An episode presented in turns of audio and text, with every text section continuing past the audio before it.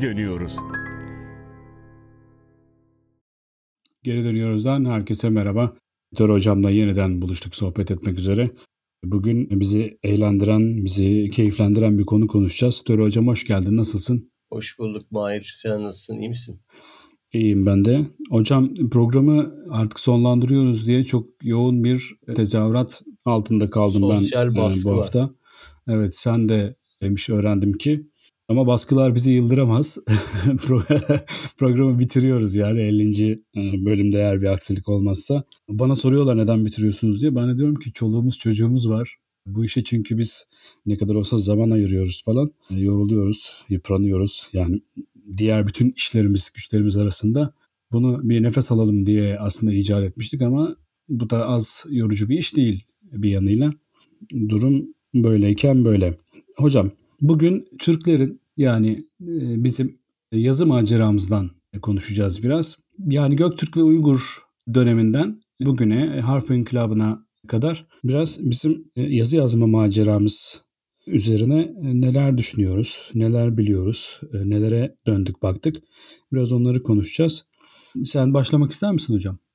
Bence sen yazının tüm insanlar, kültürler ve uluslar için önemi hakkında bir giriş yap.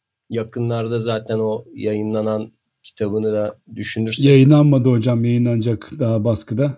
Ha daha baskıda mı o? Evet evet evet araya şey tatil falan girdi diye basılamadı. E, adını adını söyleyebiliyor muyuz? Reklam oluyor mu? E, Babil Kulesi kitabı diye bir kitap yazdım ben yakın zamanda. Kelime ve kavramların dilden dile yolculukları üzerine. Orada biraz yazıdan bahsettim aslında. E, şimdi böyle kendi kitabımın reklamını yapmak için konuyu buraya getirmişim gibi görünmek istemem ama. Yok ben getirdim. Hem spontane senin haberin bile yok.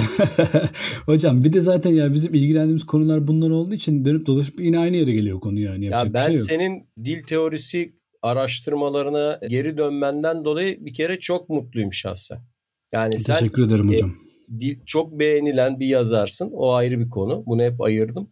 Ama sen böyle tanınmadan önce ben zaten seni tanıdığım yıllarda sen aslında dilin evrimi, dilin gelişimi üzerine kendini çok eğitmeye çalışan, yetiştirmeye çalışan biriydin. O yüzden bu alanlara tekrar ki çok sayıda eskiden bilimsel dergilere makaleler falan da yolluyordun. Onları hani bilmiyorum takipçilerin sağda solda Hocam, buluyorlar mı? Şimdi buluyorlar. dinleyicilerin huzurunda nezaket gösteriyorsun ama normalde baş başa kaldığımızda Töre bana bu konuyla ilgili şey diyor. Ya bırak bu edebiyat edebiyat işlerini. 7 tane dil biliyorsun. 10 tane dilden tercüme yapıyorsun. Yok öyküymüş, hikayeymiş. Bırak bunları. Kıl tüy bırak bunları kardeşim diye. Her neyse yani bu, bu kitap da bahsettiğim için bu konudan bilgilerim biraz daha taze. O yüzden ben başlayayım birlikte ilerleyelim. Hocam öncelikle senin dediğin gibi biraz yazının ne olduğundan bahsetmek lazım. Yazı düşünce ve kavramları birer e, görsel imgeye dönüştürdüğümüz bir iletişim aracı. Yani dilin aslına bakarsan resme geçirilmiş hali. Fakat bununla ilgili daha önceki bölümlerde zannederim bahsetmiştik. Yine hani tekrar ediyor gibi olmayayım ama örneğin bu şeyi yani yazının e, doğuş aşaması itibariyle düşünecek olursak yazı senin de benden çok daha iyi bildiğin gibi e, daha çok ticaret ve depolama işlerini takip edebilmek için icat edilmiş. Yani tabiri caizse irsaliye kesmek için icat edilmiş bir görselleştirme aracı. Fakat bu işin biraz pratikleşmesi gerekmiş. Yani şöyle bir şey 10 küp buğday koydum depoya demek için her seferinde 10 küp buğday e, çizmemek için e, bunları karşılayacak semboller çizmeye başlamış insanlar. Böylece zamanla daha şematize bir hal almış bu varlıkların ideogram, piktogramları olan görseller. E zamanla buradan da bugün alfabe dediğimiz her harfin bir sese karşılık geldiği yazı sistemleri gelişmiş. Tabi yani böyle bir işte 15-20 yıllık bir zaman içerisinde değil asırlar sürmüş oradan buraya gelmesi. Bu işin neredeyse 2000 yıl sürmüş. Biz e, Türkçe'de alfabe kullanıyoruz. Latin alfabesi kullanıyoruz. Fakat 1928'e kadar hatta tam tarihini vermek gerekirse 1 Kasım 1928'e kadar e, resmen Osmanlı, bugün Osmanlıca diyebildiğimiz Arap Fars yazısını kullandık. Arap Fars yazısı adlandırmasında yani sadece Arap alfabesi deyip geçmememin bir sebebi var. Biz bizim kullandığımız Osmanlı döneminde kullandığımız yazı yani Cumhuriyet'in ilk yıllarında aslında tam anlamıyla bir Arap yazısı da değil. Bizim kullandığımız yazı biraz daha Fars yazısına yakın. Çünkü Arapçada bazı sesler var. O sesler bizde yok. Ve bizde bazı sesler var. O sesler de Arap yazısında yok. O seslerden bazıları Fars yazısında olduğu için P gibi patatesin P'si, Ç gibi çantanın Ç'si, efendime söyleyeyim G gibi e, gülün G'si. Bazı sesler Farsçada olduğu için biz yazıyı daha çok Farslardan almışız demek daha doğru. Fakat tabii Türklerin yazı macerası buradan başlamıyor. Fakat Türklerin yazı macerası bilinen en eski e, yazıtlar e, Göktürk yazısıyla yazılmış. E, biraz bu konuyla ilgili aslında sana sormak istediklerim var. Şimdi bu Göktürk yazısının bu İskandinav kültüründe yeri bulunan runik yazıyla çok eşsiz benzerlikleri var. Yani neredeyse aynı yazı demek bile mümkün. Bu benzerliği neye bağlıyorsun hocam? Ya bu tespit edilmiş bir şey değil. Yani bunu cevap verebilecek dünyada sanırım bir dil bilimci yok. Yani bugüne kadar bu tartışma devam ediyor. Türkler mi İskandinavlardan aldı? İskandinavlar mı Türklerden aldı? Yoksa her ikisi de ortak bir runik yazı kaynağından mı aldı? Çünkü neticede bunlar kuzey ikliminde yani eski Türklerin Moğolistan bölgesinde bu yazı başlıyor. Yani bugünkü Orta Asya'nın artık kuzey bölgeleri Moğolistan'da başlıyor. O bölge neticede Sibirya hattı İskandinavya'ya yakın bir hat üzerine ortak bir kültürden de almış olabilirler. Bu arada Afganistan'da falan bulunan runik yazıtlar da var milattan öncesine ait ama bunlar tabii tartışılıyor yani tam yazı mı ne Türk mü Türk proto Türkler ile ilgili bir konu falan çözülemediği için bir de aslında Göktürk yazıtları tabii yani e, Türklerin kendi kendine kullandıkları bir alfabe ama e, ondan öncesi de var aslında. Yenisey yazıtları var. 100 yıl kadar daha eski olması lazım onların. Kırgızistan'da. Ama onlar yanlış hatırlamıyorsam Sokça ve işte Çin karşılaştırmalı falan e, şeylerini biliyorum. Sok diliyle yazıldığını hatırlıyorum onların. Ya da alfabesiyle diyelim. Bakmak lazım. Şunu hatırlayamadım. Yani Türklerin kendi işte ulusal milli denilir. Hani o, o dönem için Hı-hı. ulusal denmek zor da kendi yaratımları olarak Göktürk alfabesini bizim tarihçiler kabul ediyor ama bazı Avrupalı tarihçiler de işte bunun İskandinav kökenli bir yazı oldu. Bunu iddia ediyorlar. Bu konuda yani henüz böyle son nokta konulmuş değil. Ama şu ilginç Türkler her zaman alfabe kullanmışlar. Yani hangi evet, çağda ve nerede evet, hangi ilginç. çağda ve nerede olursa olsun sürekli alfabe değiştirmişler ama sürekli yazı değiştirmişler ama kullandıkları her zaman bir alfabe olmuş. İstersen bunu biraz Hı-hı. dinleyicilere hocam, açalım. Hocam şimdi bir bu noktada bir ayrımı da istersen altını çizerek ilerleyelim. Şöyle bir şey var yani Türkler hep yazı olarak alfabeyi kullanmış dediğimizde aslında oradaki bir ayrımı özellikle belirtmemiz lazım. Biz alfabeyle okuma yazma öğrendiğimiz için yazı yazmanın tek yolunun alfabe olabileceği düşüncesiyle yetişiyoruz ama aslında bu değil. Dünyada farklı yazma biçimleri var. E bunlardan biri örneğin Çin yazısındaki imler. Bu e, her bir im bunların hepsi birer piktogram olarak başlayıp sonra birer ideograma e, dönüşmüş zamanı. Yani piktogram bir nesnenin, bir varlığın, bir so- somut ya da soyut bir e, varlığın, bir kavramın resmini çizmekten e, ideograma yani gördüğü zaman bize o fikri verecek olan sembole dönüşmesi söz konusu. Çin yazısında her karakter bir heceye karşılık gelir ama bu yazının bir hece yazısı olduğu anlamına gelmez. Çünkü burada mesele şu dilin kendisi tek heceli olduğu için her işaret, her im bir heceye karşılık geliyor. Aslında e, bu bir hece yazısı değil. Bunu nereden biliyoruz? Aynı imleri Japonca'da kanji olarak kullanan Japon yazısında her bir Çince im bir heceye karşılık gelmiyor. Bazen iki hatta üç hecelik karşılıkları e, bulunuyor şeyde Japonca'da. Bir diğeri de hece yazısı. Hece yazısı da dünyada alfabe kadar olması da oldukça yaygın bir yazı türü. Örneğin e, Japon yazısının bel kemiğini oluşturan kanalar, hiragana ve katakanalar birer hece yazısıdır. Hece yazısı ne demek? Yani bu dilde K harfi yok. K, K, Ko, Ku heceleri var. Dolayısıyla da örneğin mesela teneke yazacaksak biz T, E, N, E, K, E 6 harf yazmak durumundayız. Fakat eğer Japonca yazacak olsaydık sadece 3 tane sembol kullanmamız yetecekti. Çünkü o bir hece yazısı. E, bunun gibi e, bu, bunlara abugida deniyor hocam. Bu şeylere hece yazılarına. Yani her hecenin e, bir harf değil doğrudan heceyi her sembolün bir harf değil bir heceyi gösterdiği yapılar bunlar. Bunun gibi yine Tay yazısı Tayland'da kullanılan Tay yazısı böyle bir yazıdır. Habeşistan'da kullanılan o işte Geet, Amharik gibi orada kullanılan o Etiyopya yazısı yine bir Abugida'dır, bir hece yazısıdır. Dünyada e, böyle örnekleri var. Ben Aslında... de bir şöyle bir antik çağdan hani uzak Asya dilleri konusunda tabii bilgi değilim. Yani bir antik yazıdan mesela Mısır yazısına örnek vereyim. Tam dinleyicilerin daha da iyi anlaması için. O mesela Mısır yazısı da aynı zamanda hem piktografik hem ideografik hem içine alfabe hem de hece hepsi var yani. Saydıkların hepsi Hı-hı. var. O yüzden çok enteresan bir örnek. Yani adam ne yapmış mesela? İşte kırlangıç mı yazacak? Bir tane kırlangıç resmi çiziyor. Pe Pevur şey Mısırcası. Tamam bir tane kırlangıç resmi çiziyor. Bu piktografi bu. Kırlangıç mı yazacaksın? Kırlangıç resmi çiziyorsun. Al sana piktografi. Ama mesela her gördüğün şekil illa kendini ifade etmiyor. Mesela lotus çiçeği çiziyor. Lotus çiçeği işte Mısır'ın kuzeyinde lotus yetişiyor. İşte güneyinde papyrus bitkisi yetişiyor.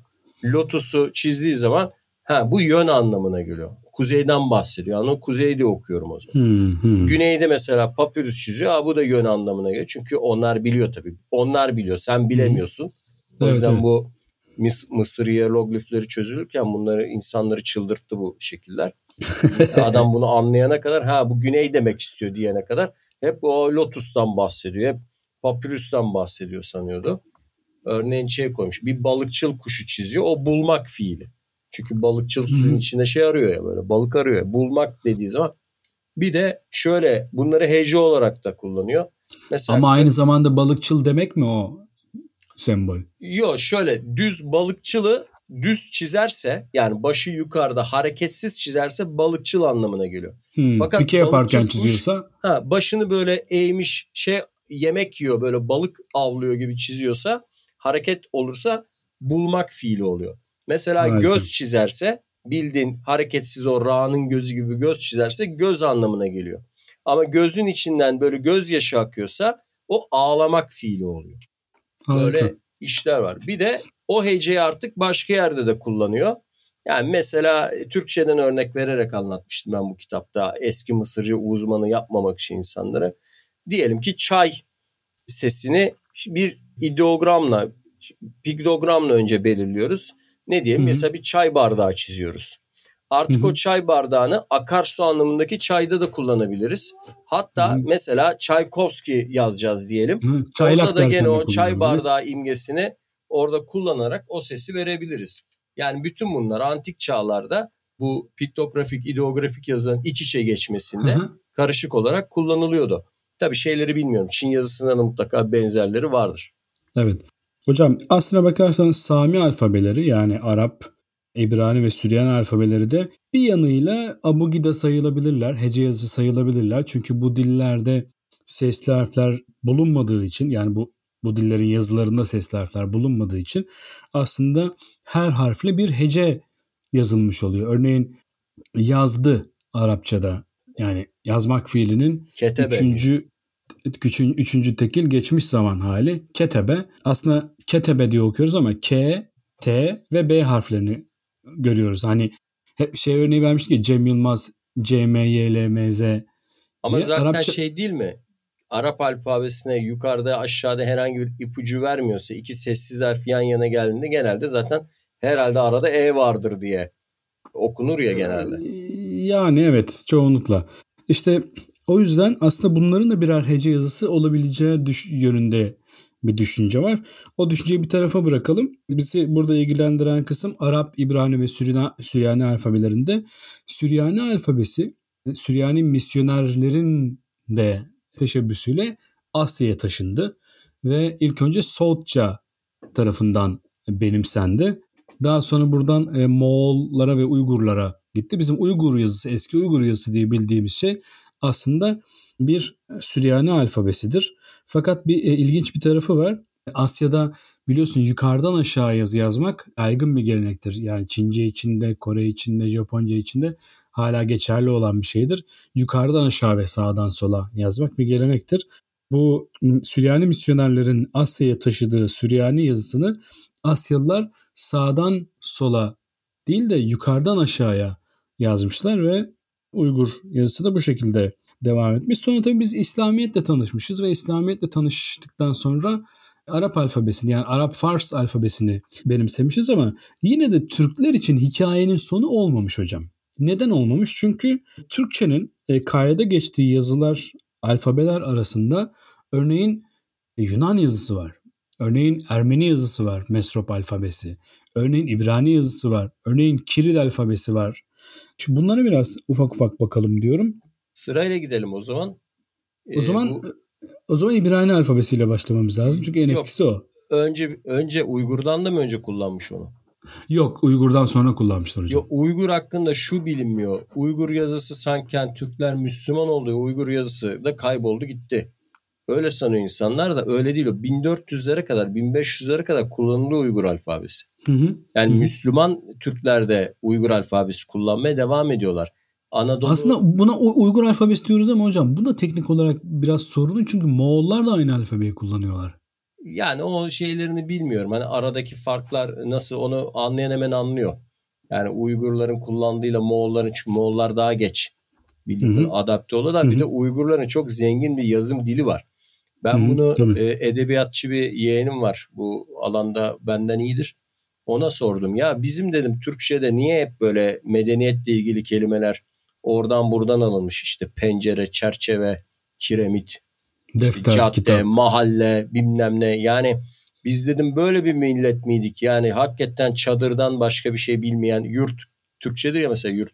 Hı hı. İşte ne bileyim attan başka e o da yani hakikaten böyle miydik demek ki her şeyi o dışarıdan aldığımıza göre böyleydik. O da dedi ki ya şimdi söylediğin dedi hem doğru dedi hem değil dedi. Şöyle biz dedi bizden kastın dedi Oğuzlarsa evet öyleydik dedi. Çünkü Oğuzlar dedi Türk dünyasının en böyle hani gelişmemiş işte göçebe kendine yerleşecek yer arayan fetihçi kısmıydı dedi. Yani yerleşik yaşam uzak. E, o yüzden dedi bu taraflara doğru geldik ve bu taraftaki yerli büyük eski kültürlerden etkilendik. Sözcük dağarcığı açısından falan dedi. Fakat Uygurcayı incelersen de bunların hepsi var dedi. Evet, yani evet var. istediğin her türlü mimari terim, her türlü yerleşik yaşamla, kitapla, katiple, hı hı. kalemle, kağıtla ilgili aklına geliyorsa hepsi var dedi. Buradaki sorun hani Güneybatı Türkçesi grubu olan, bizim konuştuğumuz dil grubu, bizim hı. atalarımız olan insanların Uygurlarla olan farkı. Orada tabii yerleşik bir kültür vardı Uygur dünyasına. Bunlar işte Budizmi, Maniizmi benimsemişler, tapınaklar yapmışlar. Hı hı. Çok güçlü bir edebiyatları var. Yani Sogd yazısıyla, yani Uygur yazısıyla yazılmış. Aslında edebiyat Arapça ile yazılmış la edebiyatla rekabet edebilecek durumda. Hı hı. Fakat neden sanki öyle değilmiş gibi gözüküyor? Çünkü malum sebeplerle Türkiye'de edebiyat fakülteleri, eski Türk dili bölümleri bu konularda isteksizler yani. Hani Budist dönem, Maniist dönem Uygur edebiyatını inceleme. İşte o eski e, o Cumhuriyet ilk döneminde o Walter Robuenler falan vardı, Hindologlar falan. Hı hı. Onlar biraz bu işlere bakıyordu. O da bitti. Yani bu isteksizlik bize şöyle düşündürtüyor. Yani bütün Türk medeniyeti orta çağda daha çok işte Arap yazısı üzerine kurulmuş gibi düşünmemize yol açıyor. Çünkü öbür taraf ihmal ediliyor. Bir de dediğim gibi Müslümanlığa geçtikten sonra da Türkler uzun bir süre bu Uygur yazısını kullanmış. Şimdi tam hatırlamıyorum ama Divani Lügati Türk'ün en eski versiyonlarından biri galiba. Biri Arapça yazılmış Arap alfabesiyle yani Arap alfabesiyle düzelteyim. Bir de e, hatırladığım kadar Uygur yazısıyla yazılmış diye hatırlıyorum. Elde en eski örnekler. O yüzden ya da Kutat Gubilik de olabilir. Yanlış söylemiş olabilirim. Kutat Gubilik olabilir. Uygur yazısıyla günümüze kalan. 1400'lere kadar 1500'lere kadar Bu yazı Müslüman Türkler arasında kullanılmış. Yani birdenbire bunlar Müslüman olmuş hemen Arap alfabesi o öyle bir şey yok. Deneme yanılma yüzyıllar almış bu. 1500'lü yıllara kadar bu Uygur yazısında kullanmış Müslüman Türkler. Kütüphanelerimizde ve arşivlerde, müzelerde bunlar var ama yeteri kadar araştırılmıyor. Hocam bunun üzerine e, diğer yazı sistemlerinden de e, bahsedelim biraz. E, Yahudiler 1492 yılından başlayarak İberya Yarımadası'ndan bugün Portekiz ve İspanya'nın bulunduğu İberya Yarımadası'ndan sürülmeye başlayınca Osmanlı'ya sığınan Yahudilerin bir kısmı İstanbul'a yerleştikten sonra 1501'de ilk matbaalarını açmışlar. Yani bu çok ciddi bir şey. Yani bu gecikmemişler hiç. Hiç gecikmemişler. Üstelik yani biz tabii şey gibi algılıyoruz şimdi bugünden bakınca. 1492'de kovulmuş ve işte 1492'nin işte Nisan'ında kovulmuş, Mayıs'ında gelmiş İstanbul'a yerleşmiş gibi e, algılıyoruz ama bu insanların kalkıp Osmanlı'ya, işte İstanbul'a, İzmir'e, işte Osmanlı'nın çeşitli ticaret merkezlerine yerleşmeleri yıllar almış tabii yani. Çünkü yolda gelirken de hala işte Saraybosna'da, işte Selanik'te, Üsküp'te şurada burada hala Yahudi cemaatleri var. Onlar sonradan oraya gitmiş insanlar değiller. İspanya'dan gelirken oralarda kalmış insanlar doğal olarak. E, bu da demek oluyor ki İstanbul'a gelir gelmez matbaalarını kurmuşlar. E, bu çok anlaşılır bir şey çünkü e, Yahudilikte metin, Yahudilikte kitap çok önemli bir şeydir. İşte ne bileyim işte Pesah gibi önemli bayramlarda okunması gereken işte bir takım e, kitaplar, işte musaflar bilmem neler falan filan var. O yüzden e, kitabın basılması çok büyük ihtimalle dini sebeplerle ortaya edilmiş e, matbaalar ama e, 1501'de ilk e, matbaalarını açtığını e, söylüyor rahmetli Avram Galanti hocam. Tabi zaman içerisinde e, yani seküler kitaplarda basmaya başlamış bu matbaalar ve aslında Yahudi cemaati neredeyse 19. E, yüzyıla kadar e, Türkçe'ye, Osmanlı dünyasına hep kapalı kalmış. Hep küçük bir yaşam alanının içinde sınırlı kalmış kendi dil ve kültür dünyasıyla olsa da bir noktadan sonra Türkçe kitaplarda bastığını biliyoruz bu Yahudi matbaaların hem de İbrani yazısıyla. Osmanlı toplamının içerisinde yine matbaacılıkla iştigal eden bir diğer toplulukta tabii ki Ermeniler. Hala bile Ermeniler matbaacılık yaparlar yani. Bu Ermenilerin de çok fazla Türkçe kitap bastığını biliyoruz Ermeni yazısıyla e, dizilmiş. Hatta en son Bandırma'ya geldiğimde seninle beraber bir tane bir, bir kitaptan bir parça okuduk hatırlarsan. Yani düpedüz Türkçe ama Ermeni harfleri kullanılarak yazılmış. Ermeniler zaten artık Ermenice konuşmuyormuş. Yani o mesela şimdi Yahudiler gene Ladino konuşuyor Cumhuriyete kadar neredeyse. Ama artık Ermeniler yani e, o onu artık 17. yüzyılda falan batıya göç ediyorlar. İşte Amasya'ya geliyorlar, Marmara'ya geliyorlar. İstanbul'a şuraya buraya işçi olarak duvar ustası, marangoz vesaire olarak. Zaten artık yani Ermeni toplumunda Osmanlı'da Ermenice işte bir tek böyle rahiplerin konuştuğu, bildiği, okuduğu, yazdığı bir dile dönüşmüş. Bu konuda zaten şey bilirsin yani Türkçenin gramerinin, etimolojisinin oluşumunda Ermeni aydınların bu tabii, kadar tabii. iyi olmasının bir sebebi de o işte o neydi o Bedros Keresteciyanlar Hı hı. Daha Agop sonra işte Bilaç, Agop tabii, yani Türk Dil Kurumu'nun başına geçiyor adam yani. Bu enteresan Pars değil mi? Tuğlacıyan var. Ha, tabii dünyada böyle bir örnek yani azdır yani. Türk Türk Dil Kurumu'nun başında yani en etkili. Hatta hala bile Sevan Nişanyan'ı sayabiliriz yani. E tabii bugün bile yani kaynak Hı-hı. olarak dönüp baktığında yani Türkçenin gelişimi işte gramerdir, sentaks vesaire bunlara baktığında bu tabii Ermeni harfli Türkçe metinleri Ermeniler kullanıyordu daha çok. Çünkü evet, artık evet. onlar günlük dili isimleri bile ya mesela en yaygın isimler Murat mesela. Murat Ermeniler. evet Murat çok var. Soyadların hepsi Türkçe. İşte Demirciyan, Keresteciyan, Nalbantyan Hı-hı. vesaire yani artık böyle tamamen Türk. Hocam hangi kitabında hatırlamıyorum ama Yalçın Küçük de demişti yani bu büyük tehcirden sonra şeye Amerika'ya göç eden Ermenilerin orada bile iki nesil daha hep Türkçe konuşmaya devam ettiklerini yazmıştı. Yani sonradan Ermenice'ye değil de İngilizce'ye döndüğü dilleri. Valla ben bir belgesel seyretmiştim çocukken. Arjantin'e gidiyorlar. Orada da Ermeni var biliyorsun çok.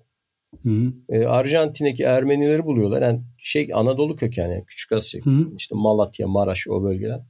İstanbullular da var. Kadın bir şey okumuştu. Bilmiyorum daha önce söylemiş olabilir bunu. Bir ihtimal daha var. O da ölmek gidersi falan. Onu. Ve nasıl okudu biliyor musun? Hani onlar o gazinolaşma dönemini görmedikleri için kusursuz ve orijinal haliyle okumuştu yani. Hani öyle o yüzden hani o Ermeni toplumu Osmanlı artık Türkçe kullanıyordu. Rumlardan daha fazla Türkçe kullanıyordu. Hocam yani... bir de bir de şu avantajın altını çizmemiz lazım. Biz Ermenice ile yani ses bandı olarak çok fazla ortak sese sahibiz. Yani Ermenice'de ı var, ç var, ş var, işte ne bileyim yumuşak g'ye karşılık gelebilecek biraz daha onun serti bir harf var falan. C, C var her şeyden önce falan. Hani bunlar bunlar Türkçenin Ermeni yazısıyla yazılabilmesi noktasında da işi kolaylaştıran şeyler. Belki işte Ü gibi bir takım böyle Ö gibi hani Ermenice yabancı sayılabilecek şeyler var ama dediğin gibi Türkiye yani Osmanlı Ermenileri zaten günlük hayatta o Ü'leri, Ö'leri zaten Türkçeler ötürü kullandıkları için onları nasıl yazacaklarını da biliyorlardı ve hatırlarsan bizim seninle okuduğumuz Ermenice harfli kitapta ö'ler, ü'ler falan vardı yani. İşte ne bileyim o'nun yanına i koyuyor, ö yapıyor falan bir şekilde hani onun da kolayını bulmuş. Hocam bir de Yunan harfli Türkçelerimiz var. Burada aslında bir ayrım yapmak gerekir mi? Bundan çok emin değilim. Çünkü Karamanlıca deniyor. Hatta Karamanlidika deniyor bunlara. Bu Karamanlıca demek her zaman doğru mu çok emin değilim. Çünkü İstanbul'da basılan Yunan harfli Türkçe kitaplarda var. Yani Osmanlı döneminde.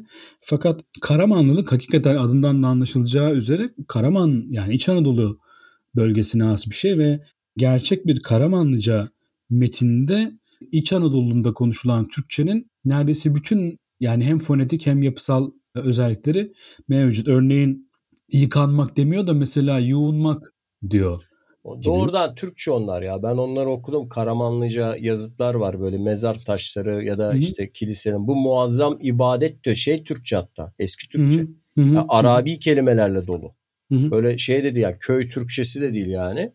Baya baya böyle o Arabi, Farsi terkiplerle kibar Türkçe öyle diyelim yani. Hani... Hocam ben şimdi e, Ötüken yayınlarına şeyler çeviriyorum. Karamanlıca romanlar çeviriyorum. Karamanlıcadan yani günümüz Türkçesine, Latin harflerine.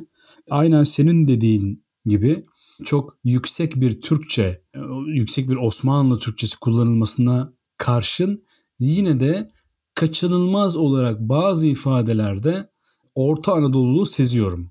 Yani Karamanlıca diye bir şey gerçekten var. Ama bunun dışında bundan bağımsız olarak İstanbul'da yazılmış, dizilmiş, basılmış Yunan harfi Türkçe kitaplar da var. Dolayısıyla Yunan harfi Türkçe olanlar ve Karamanlıca olanlar diye bunları ikiye ayırmak lazım belki de. Ben konunun uzmanı değilim ama konunun meraklısı bir insan olarak bana bu daha mantıklı geliyor. Şöyle yani bütün Rumlarda Türkçenin zaten etkileri var. Yani ana dili hala Yunanca olanlarda bile mesela bizim Güney Marmara Rumlarının bile dil hazinesine baktığın zaman sözcük hazinesine %20-25 oranı artık Türkçeleşmeye başlamış. Tatlı isim. Hocam mantalite, mantalitenin Türkçeleşmesi de var. Yani ben, evet. ben bu en son yazdığım kitapta verdiğim örneklerden belki hatırlarsın.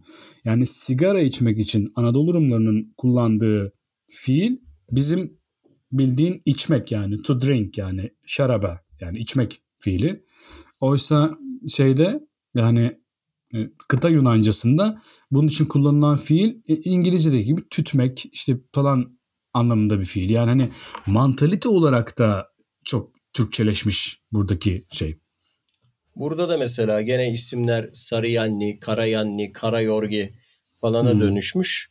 Böyle e, yarı Türkçe, yarı Yunanca isimlere dönüşmüş. Savvaz Alagözoğlu diye bir yazarı okudum. 19. yüzyıl artık Karamanlı mıdır yoksa İstanbul Rumu mu? Bu arada o İstanbul'da o matbaada Karam kitaplar basanların bazıları da kökeni Karamanlı yalnız. Tabii tabii. Yani tabii tabii. Derşvan o seyyah 1500'lerde geldiğinde hani İstanbul'da Türkçe konuşan Rum cemaatinden gene Karamanlı kökenli diye bahsediyor. Oradan göç edip Hı-hı. Gelenler diye bahsediyor. Yani o konuyu işte uzmanlar daha iyi bilir. Bu onun kitabında da Patrick 3. ya da pardon 2. Joachim Hazretleri Hı-hı. de bir kitabını okudum. Yani Yunan alfabeli Türkçe çok rahat okunuyor. Hı hı, Ama hı. şöyle zorlanabilir modern okuyucu. terimler eski. Evet. Yani dil ağdalı. Yani Patrick Joachim Efendimizin tercümeyi hali diyor mesela. Yani hayat öyküsü demiyor tabii doğal olarak. Hı hı. Patrick Joachim'in işte tercümeyi hali diyor. Ama eğer Osmanlıca terimleri biliyorsan çok eğlenceli. Sadece e, eski Türkçeyi Yunan yazısıyla yazılmış bir metinle Evet evet ben benim benim bu çevirdiklerim de öyle hocam ve böyle şey ya şimdi mesela Osmanlıca okumak böyle bir insanda böyle bir bilmece çözme heyecanı uyandırır ya. Burada yani onun bir üst level'ı gibi. Yani hem Osmanlıca okuyorsun hem de Yunan harfle okuyorsun falan. Böyle ya, daha daha bir heyecanlı yani. Bir de senin dediğin gibi şey sesler bulmuş.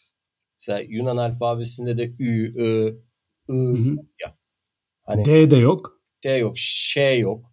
Hı hı. Bunların hepsine mesela işte normal sigmaya bir çentik atmış, bir şeyler yapmış. Hı hı. Hepsine böyle çeşitli şekiller koyarak hani onun Türkçe şeyini dönüştürmüş. Yeni bir alfabe yapmış aslında. Başka bir alfabe. Evet.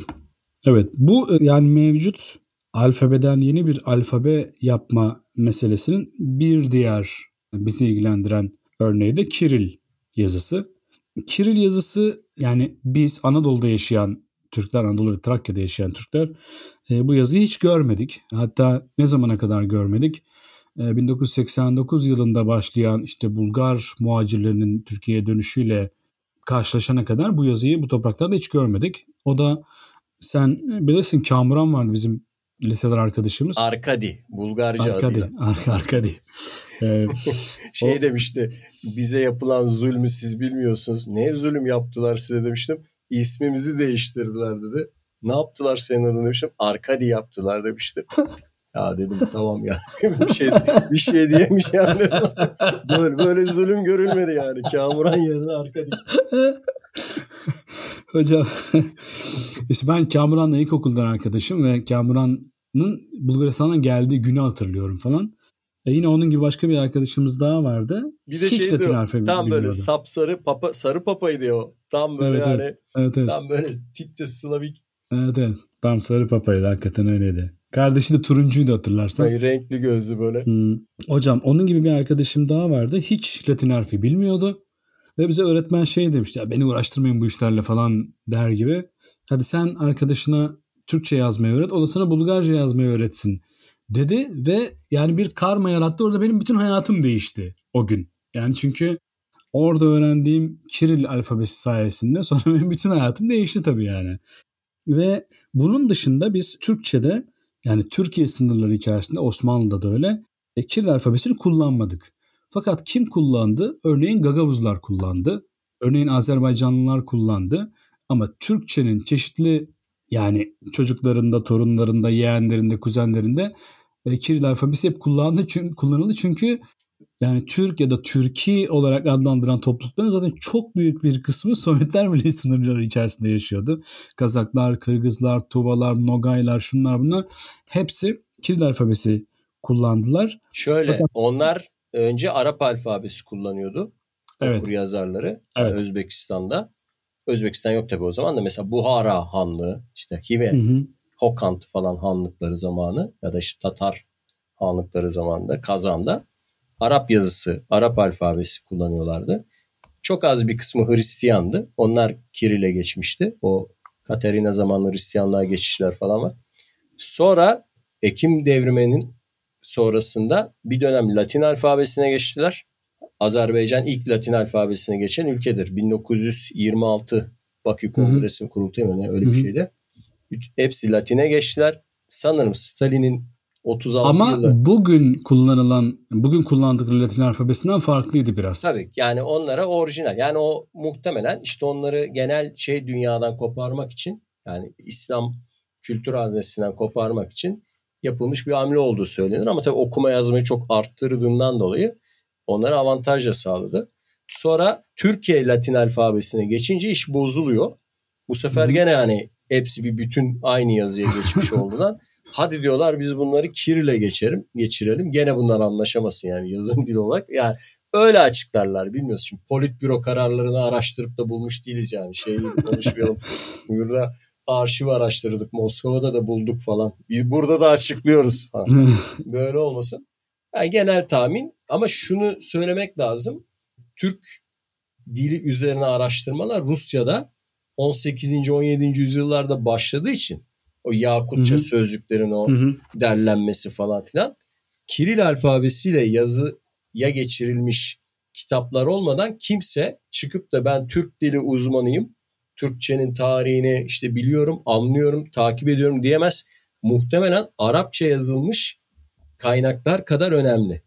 Yani Kiril öyle sadece bir süre kullanıp atılmış bir yazı olarak düşünülmemesi lazım.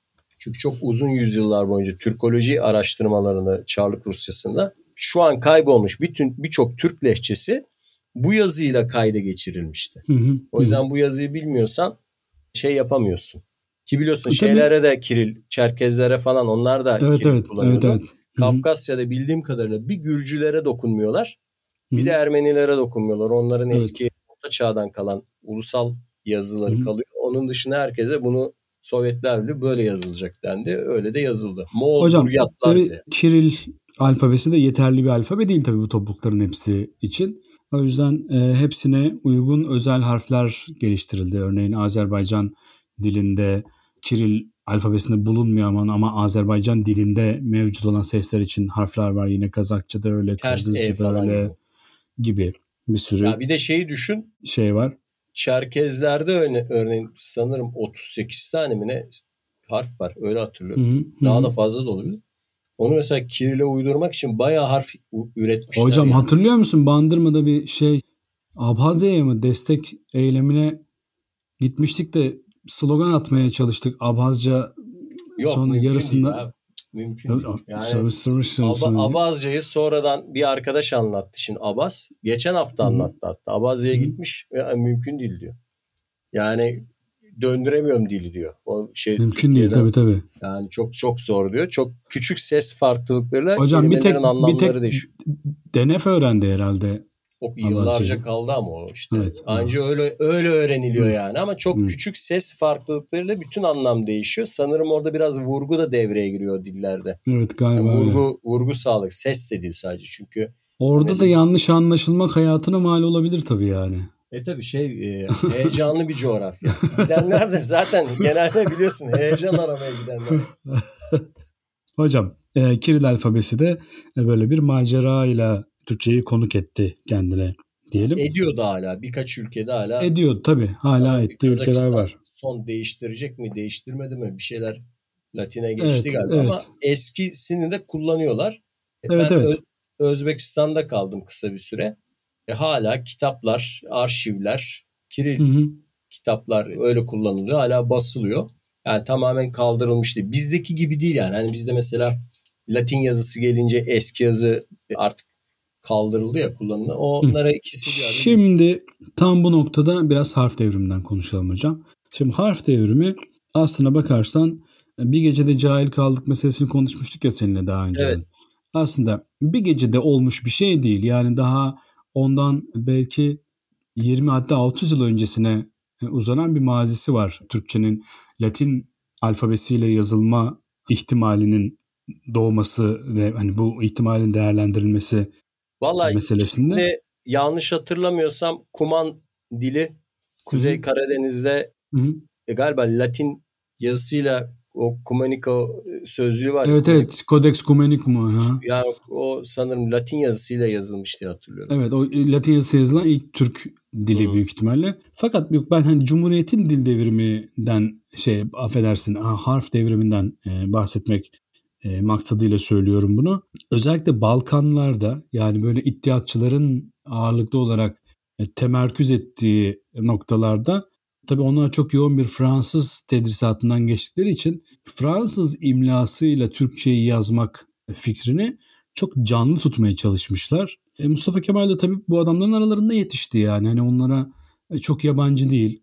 Bu fikirlere çok yabancı değil. Artı Şimdi eski yazıyı biz burada çok övüyoruz ediyoruz falan filan ama eski yazı öyle o kadar da kolay okunan bir şey değil yani. Şimdi biz okuyoruz ediyoruz diye bize kolay geliyor ama yani sıfırdan öğrenen bir insan için yani yazıyı görmek, tanımak falan filan neyse ama terkipleri anlamak, işte ne bileyim o Arapça, Farsçadan gelen kuralları bilmek, ekleri tanımak bilmem ne falan filan o kadar kolay bir şey değil. Ve Mustafa Kemal büyük ihtimalle ıı, Latin alfabesiyle bir eğitim seferberliğinin daha kolay olacağı fikrini çok erkenden görmüştü zaten. E, ve dediğim gibi 1 Kasım 1928'de hocam kaçmış 1353 sayılı Türk harflerinin kabul ve tatbiki hakkında kanun vasıtasıyla bu harfler artık resmen Türkçenin resmi olarak yazılmasının emredildiği harflere dönüşmüşler.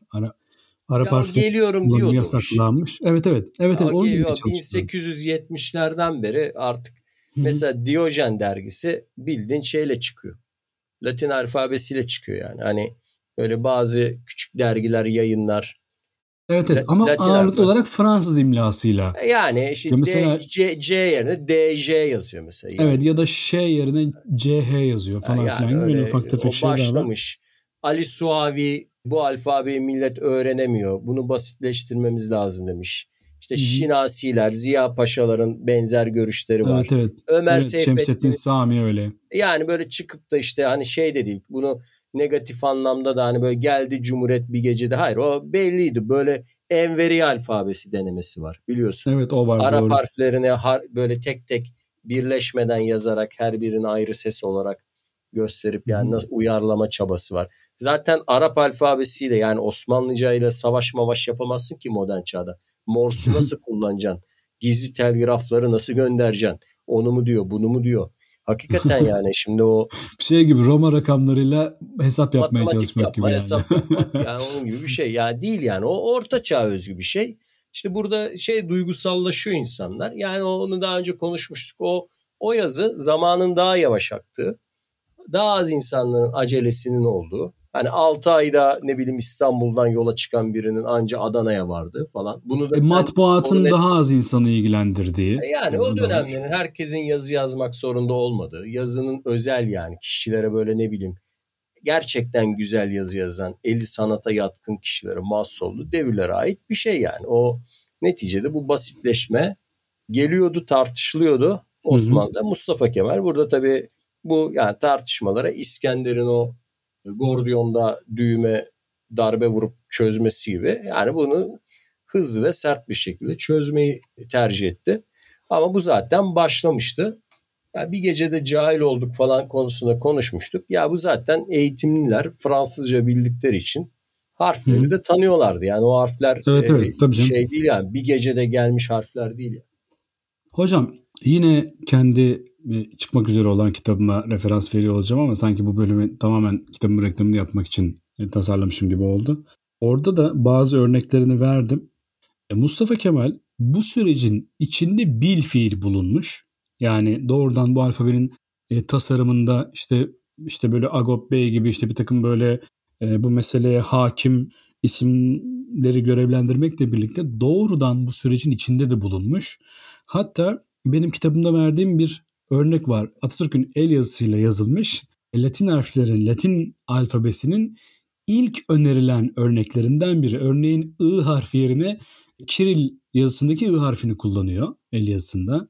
Aynı Kemal, yerine Kemal'i Q'la mı yazıyor? Q ile yazıyor falan öyle filan gibi öyle şeyler var. Öyle şeyler var. Daha doğrusu şöyle. Kef yerine Q, kaf yerine de C kullanmış. Böyle bir değişik C yerine Denemeler de bu, var. Evet evet Arap yazısındaki C'nin böyle küçük bir e, versiyonunu kullanmış falan filan ve böyle el yazısını da yedirmiş yani o inci gibi el yazısıyla onu da yazmış. Yine öyle. Ya zaten şimdi şöyle lafını keseyim herhangi bir devlet adamı tiplemesi de değil. Yani neticede bu Yakutça sözcükler okuyor. Evet, eski evet. Türk dillerini inceliyor falan. Bu bayağı bu alana 1930'dan sonra biliyorsun. Hı-hı. Yani o Türk Dili Tetkik Cemiyeti adıyla o şey kuruldu. O Agop Martayan'ı da Bulgaristan'dan bulup Hı-hı. getiriyor. Şey evet. diyor savaş zamanı ya bir diyor Suriye cephesinde diyor bizim bir Ermeni arkadaşımız vardı subay diyor. Ne oldu o diyor. Herkes silah bırakıp kaçarken hani firar ederken o diyor görevinin başında hep durmuştu. Asla cepheyi terk etmediydi. Böyle biri vardı diyor. Efendim diyorlar o Bulgaristan'da işte dil profesörü oldu falan. Hemen diyor getirin çağırın. Onu özel çağırttırıyor Bulgaristan'dan Hı-hı. getirip işte gel bu Hı-hı. kürsünün başına sen geç sen bu işi yap falan. Meraklı yani öyle şeyler. Öyle Hı-hı. hakikaten içten merak şey gözükeyim diye değil yani el aleme çevreye işte öyle gözükme gibi değil. Hakikaten o dil o bir programlık konu o yani onun Türk diliyle macerası. Evet aynen öyle. Hocam nitekim 1928'e gelindiğinde artık Türk alfabesi yani Türk Latin alfabesi nihai halini alıyor ve 19, e, 1928'in Kasım'ında da yasalaşarak bugün kullandığımız hale kavuşuyor. İmla zaman içerisinde ufak tefek değişikliklere uğruyor ama alfabe hiçbir zaman değişmemiş. O gün nasıldıysa bugün hala öyle kullanıyoruz. Eksiklikleri var mı? Evet var. Mesela bazı ayrımları belki artık o kadar gözetemiyoruz. Yani örneğin açık E kapalı E meselesi, kalın L ince L meselesi falan filan gibi şeyler. Bir de e tabi bunun dışında çok dahice uyarlamalar da var. Mesela yumuşak G çok dahice bir uyarlama. Yani yumuşak G aslında biliyorsun başka Türk lehçelerin örneğin Gagavuzca'da falan yok. Onun yerine e, sesli harfi çift yazarak hallediyorlar. Mesela ağlamak yazmıyor da iki A ile ağlamak diye yazıyor. Fakat onu okurken ağlamak diye okuduğun için o duyguyu veriyor ama yumuşak G çok dahice bir şey. E, Ç çok dahice bir şey. E, Ç tabi daha öncesinde var yani şeyler e, Fransızca'da falan filan sembol olarak var ama Ç olarak kullanılması biraz bizimle e, başlamış denebilir. Bence hem okuma yazmayı kolaylaştırması açısından hem de Türkçedeki sesleri tam manasıyla karşılaması bakımından Türk Latin alfabesi neredeyse kusursuz e, tasarlanmış bir alfabe.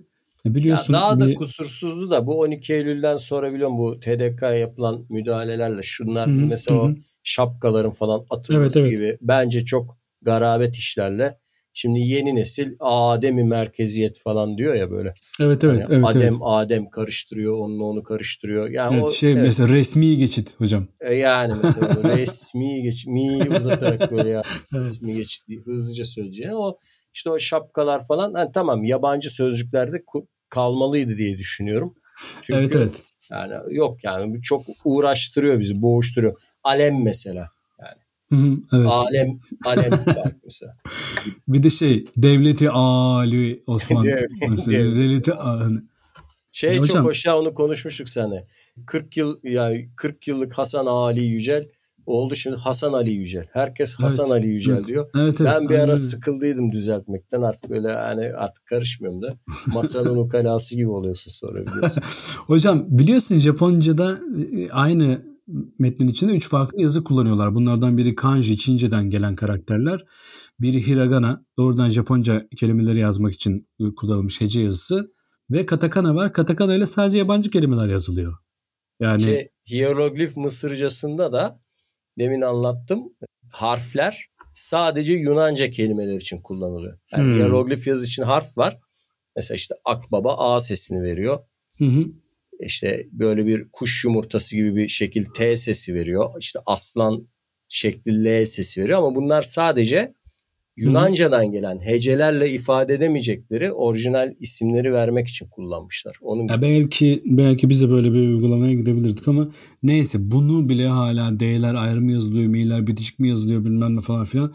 Bunu bile hala 80 senedir çözmek 80'i e, bile geçti. 100 sene oldu neredeyse.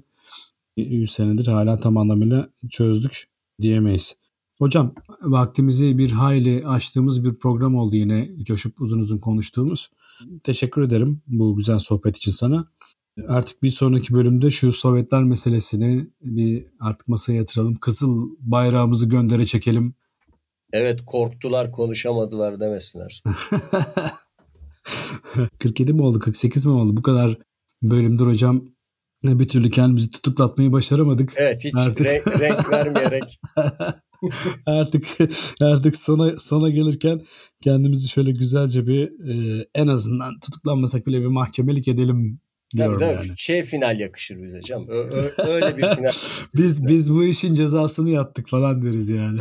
Biz podcast'ın cezasını yaptık. kadar tamamlayamazdık ya. Şimdi sonda yaparsak şey değil yakışır. Hocam e, hocam aslında bakarsan bir yandan e, geri dönüyoruz bitiyor diye biraz üzülüyorum. Çünkü benim açımdan yani bu işin en eğlenceli tarafı seni her hafta görüyor olmaktı. yani seninle sürekli buluşuyor olmak e, benim için çok avantajlı. Biraz üzülüyorum ama e, maalesef dediğim gibi her güzel şey e, bir nihayete varmak durumunda. Bak şikayetler var. Çavuşesku'dan artık niye söz etmiyorsunuz diye. Sovyetler bölümünde bir şey selam yollayalım gene. Yani o son bölümlerde. Hocam en son bölümde de Çavuşesku'dan neden artık bahsetmediğimiz üzerine ben bir şeyler söyleyeceğim hatırlatırsan. Tamam. tamam ben sana hatırlatayım onu. Yani en büyük şikayet o. Hocam e, teşekkür ederim. E, seni çok seviyorum. Çok tatlı bir insansın. Çok bilgili, çok alim bir insan olmanın yanı sıra benim için çok e, kıymetli ve tatlı bir insansın da. Hatta hayatıma en çok güldüğüm iki insandan biri sensin. Biri de kardeşim. O da bu e, programın müziğini yaparak bir şekilde bu e, işin parçası olmayı başardı. O da dışarıdan çok ciddi gözüküyor ama aslında öyle değil. Hocam o bizde şeydir. Benim babam da öyledir ya. Babam da komiktir aslında ama biliyorsun o da yani böyle hükümet gibidir yani. Hocam e, şurada şunu şurası kalmış iki bölümümüzde yeniden görüşmek üzere. E, sana da dinleyiciye de veda etmek istiyorum. Var mı söylemek istediğin bir şey? Selamlar iletiyorum dinleyenlere. Bu bölümleri daha uzun tutmamız iyi oldu. Yani böylece hani bizi dinleme, dinlemeyi sevenlere daha çok zaman ayırmış oluruz. Hocam teşekkür ediyorum. Bizi dinleyenlere de teşekkür ediyorum. Görüşmek üzere diyorum ve müziği alalım.